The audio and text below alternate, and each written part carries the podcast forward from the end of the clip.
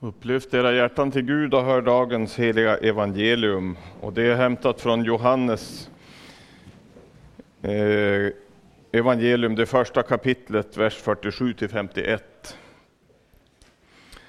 När Jesus såg Natanael komma sa han till honom Se, han är en verklig israelit. I honom finns inget svek. Natanael frågade honom hur kan du känna mig? Jesus svarade, innan Filippus kallade på dig såg jag dig när du var under fikonträdet. Natanael svarade, Rabbi, du är Guds son, du är Israels konung. Jesus svarade honom, därför att jag sa att jag såg dig under fikonträdet tror du. Det som är större än detta ska du få se. Sedan sa han till honom, Amen, amen säger jag er, ni kommer att få se himmelen öppen och Guds änglar stiga upp och ner över Människosonen. Så lyder det heliga evangeliet. Lovad vare du Kristus.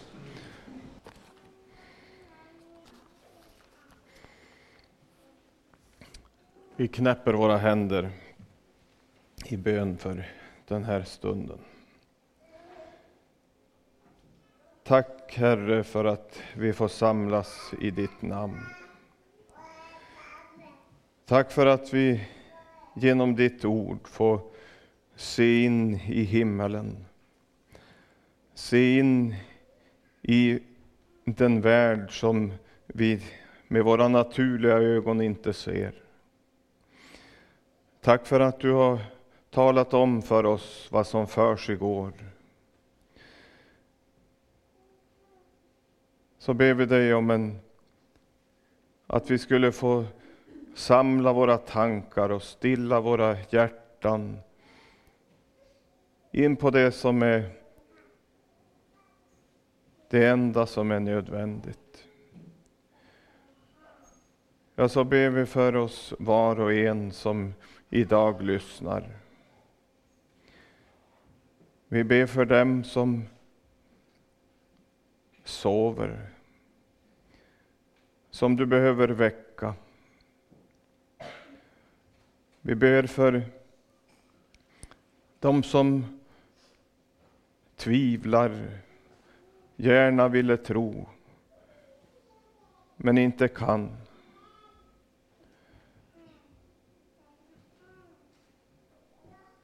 Ja, vi ber för dem som kan se din frälsning klart. Jag vill be för alla och en var i alla olika själstillstånd. Du som ser till våra hjärtan och du som vill att alla, varenda en av oss skulle bli frälst för evigheten. Så ber vi dig att du skulle föra oss in på den smala vägen som leder till livet. Ja, Herre, led oss du och hjälp oss du så att ingen av oss går förlorad kommer bort. Ja, Herre, du har beskrivit det i ditt ord som något alldeles förfärligt. Därför ber vi, Herre, förbarma dig över oss. Förbarma dig den här stunden och låt oss också få något av ditt eviga evangelium om nåd för syndare, för de förlorade. I Jesu namn. Amen.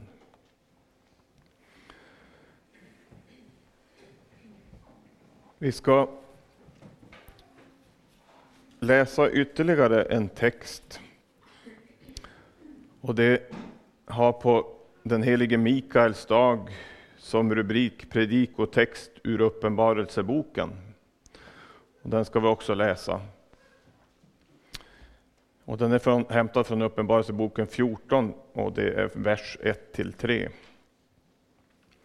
Jag, Johannes, såg och se.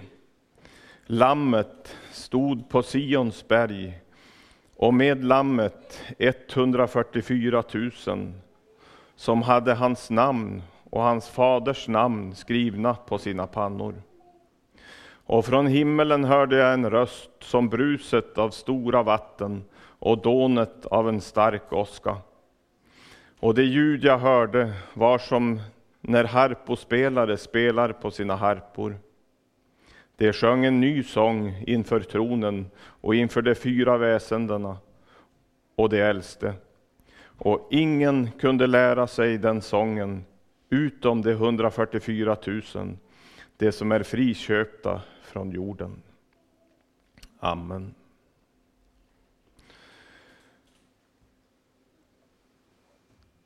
Den här söndagen,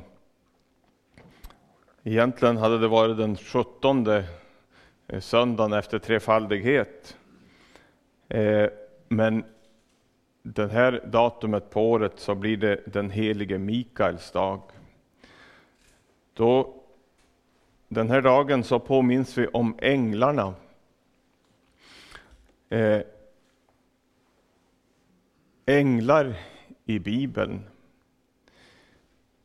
De omnämns väldigt ofta i Bibeln. Om Guds änglar. I Gamla testamentet är det faktiskt bara två eh, böcker som inte talar om änglar. Eh, och det är Esters och Ruts bok. För övrigt så talas det om änglar i hela Gamla testamentet. Också i det Nya testamentet så talas det om änglar, förutom på också där två, ställen, två brev, Jakobs och Johannes brev. Och då förstår vi att änglarna de har en väldigt stor betydelse i frälsningshistorien. De, och de har en väldigt stor betydelse också för oss. Vi kan se i vad Bibeln berättar och då kan vi säga att konkret för oss människor så kan änglarna visa oss väg. Det har de gjort i Gamla testamentet och också i Nya testamentet. De kan förbereda oss på att möta svårigheter. De kan uppmuntra oss i modlöshet. De beskyddar i faror och de för ut ur svårigheter. Och de bevarar oss på vår vandring här på jorden. Allt det här behöver vi just på grund av det vi läste, att vi lever inte här i, ett, i en värld fylld av frid och lugn och ro. När vi läste i episteltexten Ve dig du jord, för djävulen har stigit ner till er i stor vrede. Vi behöver änglarnas hjälp som är utsända av Gud. Vilka är de utsända för? För dem som ska ärva frälsningen, står det i Hebreerbrevet. Det står också om Lazarus i Nya testamentet, att han blev förd av änglar till platsen vid Abrahams sida. En annan berättelse som ofta koms ihåg i söndagsskola och för barnen är när Gud sände en ängel som förde ut Petrus från fängelset. Hur kedjorna föll från hans händer. Ängeln stötte honom i sidan och sa att han skulle resa sig upp. Och då föll kedjorna från hans händer. Och sen så förde han ut Petrus genom de stängda dörrarna, de öppnade sig av sig själv, står det. Änglarna, de är heliga, starka hjältar och de är andar. Och det står om dem att de ser alltid sin himmelske faders ansikte. De ser alltid sin himmelske faders ansikte. De är skapade av Gud och de är heliga. De änglarna de deltar också i Guds salighet, i himmelens salighet. Men de sitter inte där overksam. Nej, det står i Saltaren, psalm 103, att de uträttar hans befallning, alltså Guds befallning, så snart de hör ljudet av hans befallning.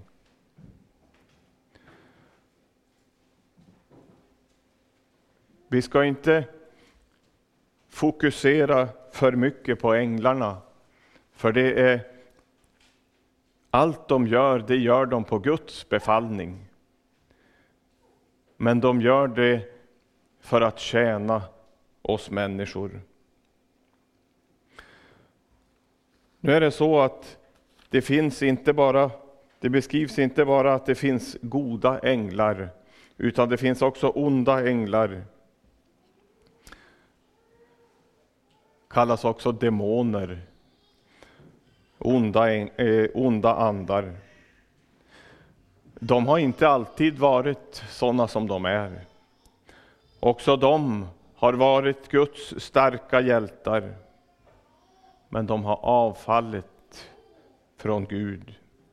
De har varit olydiga och trotsiga mot sin skapare och mot sin Herre. Och då står det att Gud skonade dem inte. Det vart inget undantag för att de var höga, stora och heliga innan. Nej, han skonade dem inte. Vi kan läsa i Judas brev. Det står det om änglarna. Tänk också på de änglar som inte bevarade sin höga ställning utan övergav sin rätta hemvist. Dem håller han i förvar i mörker med eviga bojor till den stora domens dag. Så är det med Sodom och Gomorra och städerna däromkring. På samma sätt bedrev de otukt och följde onaturliga begär. Det står som ett varnande exempel och får sitt straff i evig eld. Det är vad som är vad som Gud har, det straff som Gud har ställt i ordning för dessa fallna änglar. De är inte eh, alls ofarliga för oss människor heller.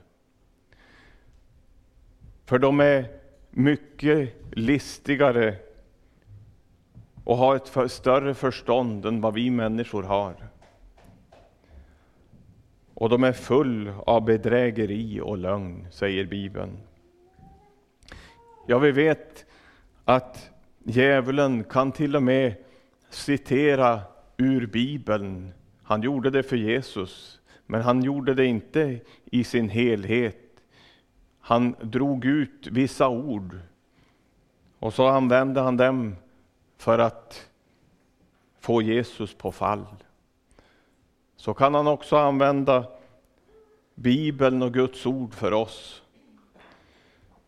För att få, försöka få oss på fall.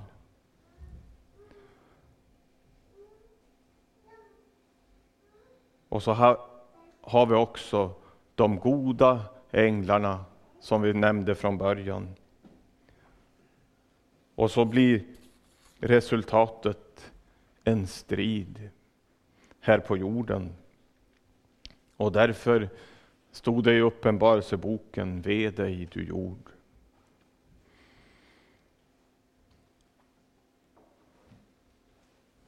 Om alla de här änglarna, avfallna änglarna, så säger Bibeln tydligt och klart att Gud tar sig inte an dem.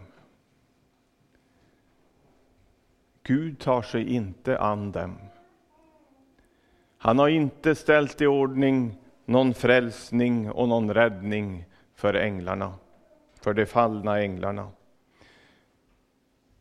Utan Det står att han ska fördöma dem vid denna tidsålders slut.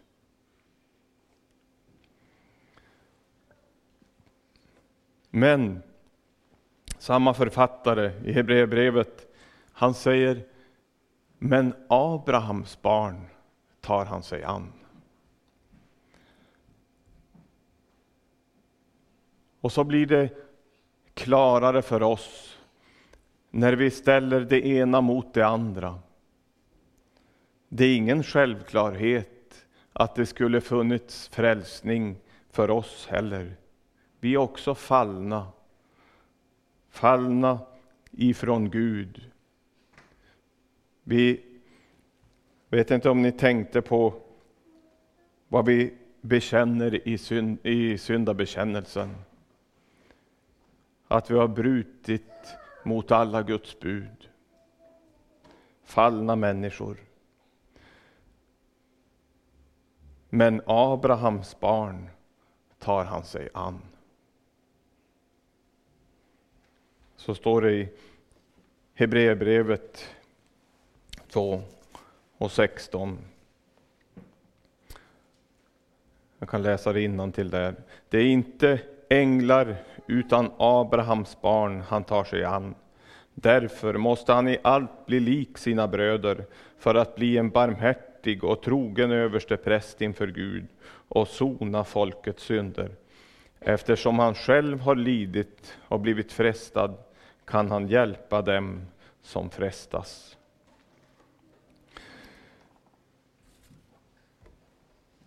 Änglarna på den helige Mikaels dag.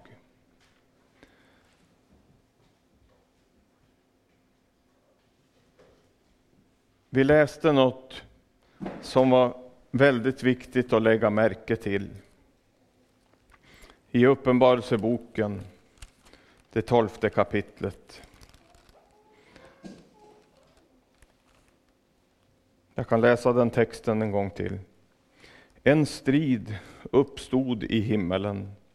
Mikael och hans änglar gav sig i strid med draken, och draken och hans änglar stred, men han var inte stark nog, och det fanns inte längre någon plats för dem i himmelen. Och den store draken, den gamle ormen som kallas djävul och Satan, han som bedrar hela världen, kastades ner på jorden och hans änglar kastades ner med honom. Och jag hörde en stark röst i himmelen säga, nu har frälsningen och maktet, makten och riket blivit vår Guds och väldet hans mordes. Ty våra bröders åklagare har blivit nerkastad, han som dag och natt anklagade dem inför vår Gud. Och så står det i vers 11. Det övervann honom genom Lammets blod och genom sitt vittnesbörds ord. Det övervann honom genom Lammets blod. Tänk att det är sån kraft i Lammets blod. Det är det som är centrum i hela Bibeln. Det återkommer till detta, till Lammet, Lammets blod. Och det hade sån kraft att det kunde slänga ut hela den onda änglahären från himmelen, så det fanns inte någon plats för dem kvar. Och blodet, det är också det som öppnar vägen för syndare in i himmelen. Blodet, Lammets blod, det är själva kärnan och själva centrum. Det är också det som sången i himmelen, lovprisningen i himmelen handlar om. Det är om Lammets blod. Och så blir frågan, har du och jag förstått värdet av Lammets blod.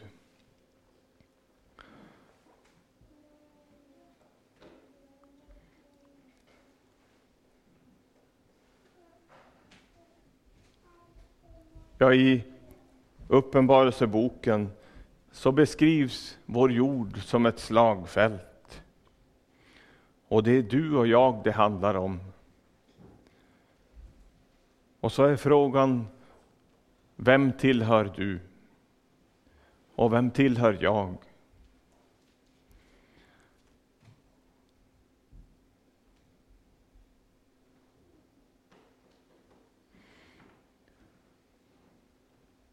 I Uppenbarelseboken så ställs det fler frågor. Mycket allvarliga frågor. Är ditt namn skrivet i himmelen? Är ditt namn skrivet i himmelen? För det är bara de som kommer in. I texten som vi läste från predikotexten från Uppenbarelseboken om de 144 000 som det står omnämnt så kan jag inte göra någon djupare utläggning om just de 144 000. Men vi ser av bibeltolkare att de var en förstlingsfrukt av de frälsta. Sen såg han en skara som ingen kunde räkna. Men de kom in på samma vis, på samma sätt som de 144 000. Och så står det, det att de sjöng en ny sång inför tronen och inför de fyra väsendena och de äldste. Och ingen kunde lära sig den sången utom de 144 000. de som är friköpta från jorden. De som är friköpta från jorden, de kunde lära sig den nya sången, men ingen annan. Jag ska citera något från studiebibeln och där, om just den där versen. Och där står det så här.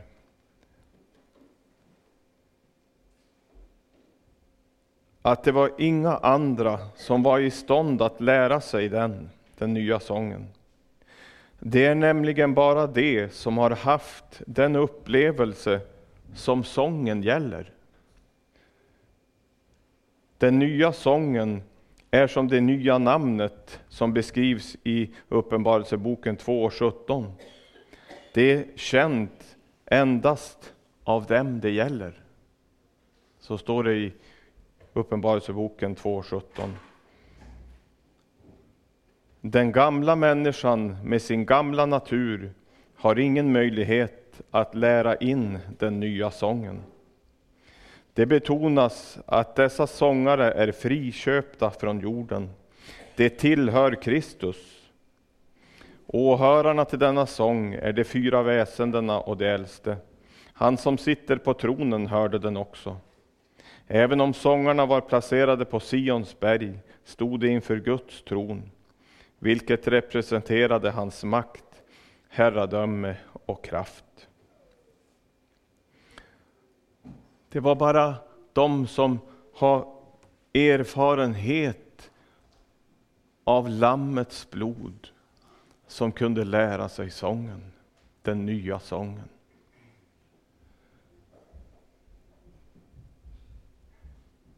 Det är någonting som vi ska fundera på för vår, vår egen del. Vad har jag för erfarenhet av Lammets blod. Vad har jag för erfarenhet av frälsningen i Jesus? Är det någonting som jag bara vet, som jag har hört? Eller är det mitt enda hopp?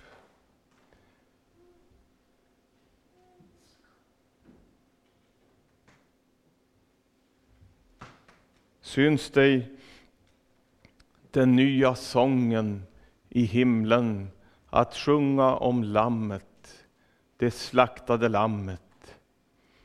Tänker du att det verkar lite tradigt? Då är det ett tecken på att du inte har förstått värdet av Lammets blod. Du har inte erfarenhet av kraften i Lammets blod.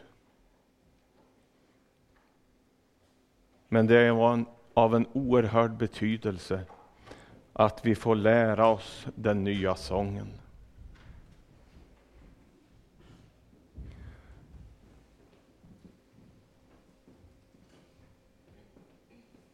Uppenbarelseboken, det nittonde kapitlet, det börjar på samma, samma sätt som det fjortonde. Och jag hörde liksom rösten från en stor skara, likt bruset av stora vatten och dånet av en av väldig kraftig åska. Och det sa Halleluja!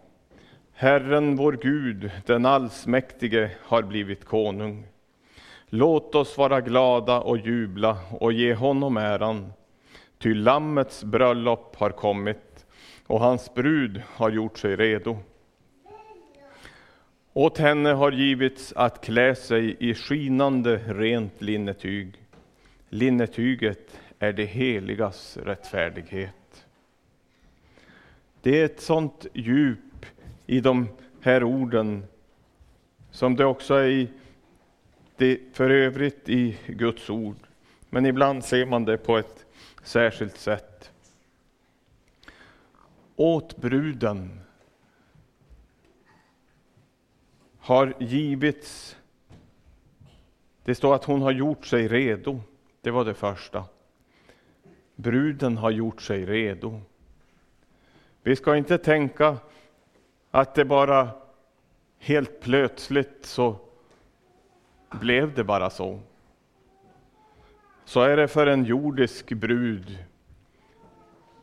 Det är ingen som bara helt plötsligt står i kyrkan som brud. Nej, den viktigaste förberedelsen för en brud är att lära känna brudgummen.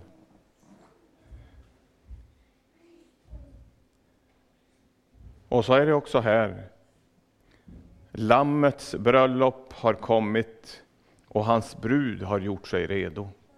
Hon har gjort sig färdig. För hon var inte färdig i sig själv. Det förstår vi av det här bibelordet. För hon har fått någonting att klä sig i. Skinande rent linnetyg. Hon har fått någonting att skyla sig med.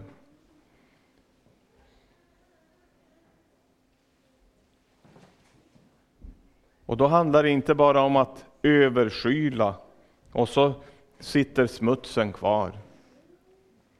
Nej, det handlar om samma sak som det här linnetyget som det talas om här, det handlar om samma sak som kraften i Lammets blod. Kraften i Lammets blod. Hon har givits att klä sig i skinande rent linnetyg. Linnetyget är det heligas rättfärdighet. Det är Jesu egen rättfärdighet. Det är det det handlar om. Det är, den nya, det är vad den nya sången handlar om. Den handlar också om Jesus som min rättfärdighet. Har du tagit emot honom som din rättfärdighet? Behöver du honom som din rättfärdighet?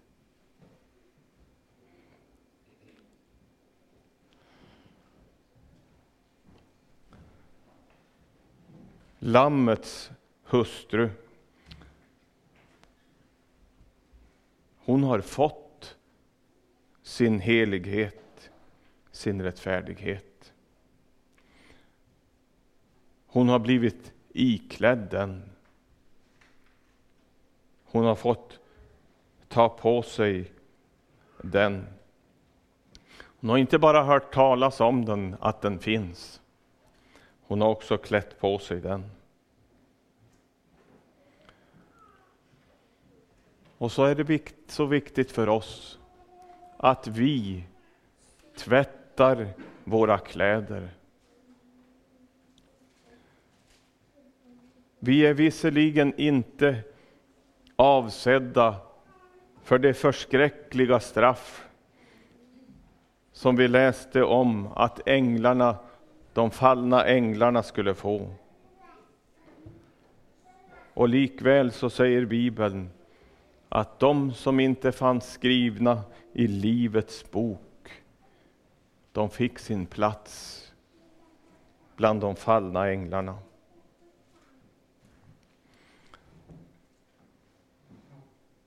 Vi förstår att det här livet som vi har fått av Gud, det är ingen lek. Nådatiden som vi har fått av Gud, som vi får en ny dag och en ny natt och en ny dag igen. Den får vi inte slösa bort eller leka bort.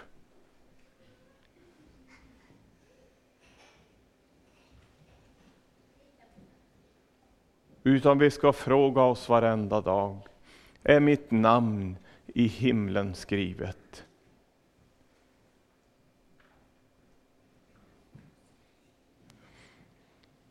Men hur kan jag komma dit? Där jag kan vara säker om att jag tillhör Lammet. Ja, det är på samma sätt som vi började. Det är genom kraften i Lammets blod. Djävlarna de åkte ut ur himmelen och de fick inte någon plats kvar där. Men genom Lammets blod så vann Jesus en plats åt syndare inför Lammets tron. Jesus vann en plats åt syndare inför Lammets tron. Det är kraft i Lammets blod.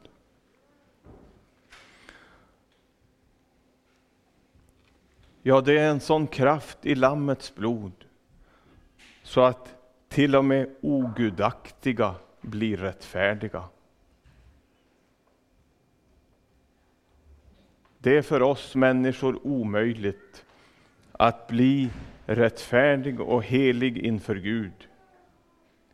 Men i kraft av blodet, i blodet på hans kors,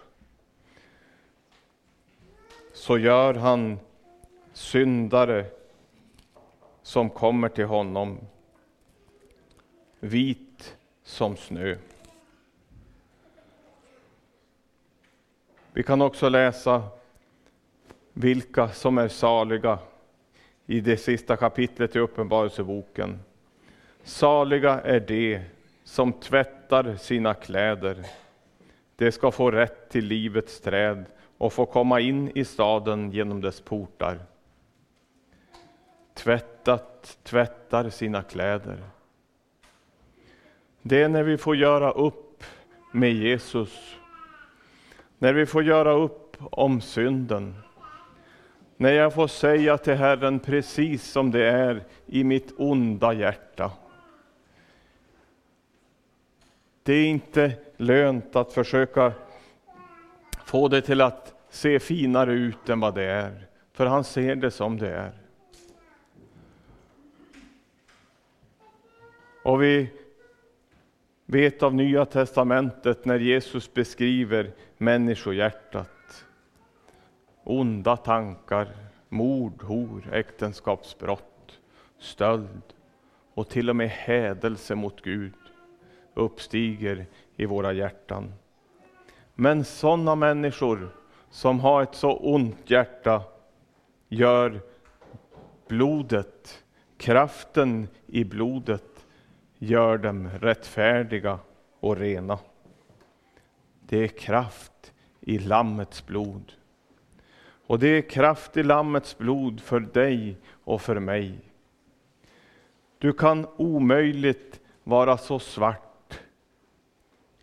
att inte blodet gör dig ren. Om du vill. Den som vill, står det i Uppenbarelsebokens sista kapitel. Och den som törstar må komma. Om du känner att jag har nog inte riktigt det här färdigt, jag har nog inte gjort mig riktigt färdig. Skynda dig att komma till Jesus. Och den som törstar må komma, säger Jesus. Ja, den som vill. Om du vill. Den som vill må ta emot livets vatten för intet. Det kostar ingenting att ta emot det. Men det kostar verkligen något att inte ta emot det. För det kostar dig livet. Det kostar dig det eviga livet att inte ta emot det levande vattnet. Det kostar dig det eviga livet om du inte är klädd i blodets rättfärdighet. Men det är vunnet åt dig. Det bjuds dig idag, fritt och förintet. Ta emot den gåvan. Så att du får bli hans brud och bli hans. Tänk när bruden säger i Höga visan, min vän är min och jag är hans. Då är, då är namnet skrivet i Livets bok i himlen. Och då är räddningen, då är frälsningen din. Och så kanske det är säkert någon som har lika lätt för att tveka som jag, som tänker att det är sämre än vad, ni, vad, vad, vad jag kan beskriva för någon annan. Att det står samma sak kvar. Den som vill må komma och ta livets vatten för intet. Det är fritt och för intet.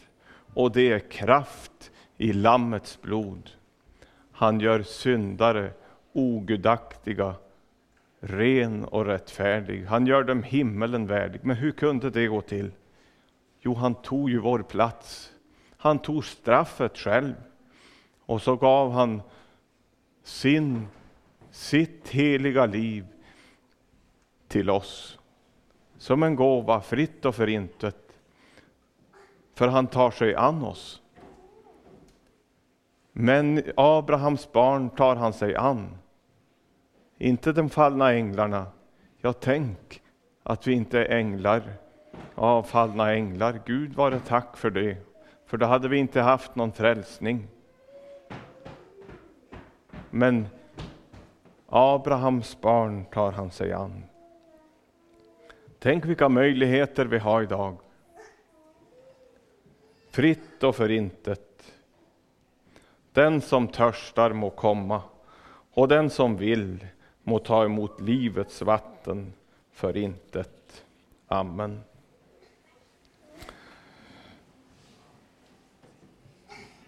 Tack Jesus för din frälsning. Tack Jesus för Lammets blod. Tack för kraften och att det fortfarande är kraft i Lammets blod att du fortfarande idag gör syndare salig, att du fortfarande gör dem vit som snö i din rättfärdighet.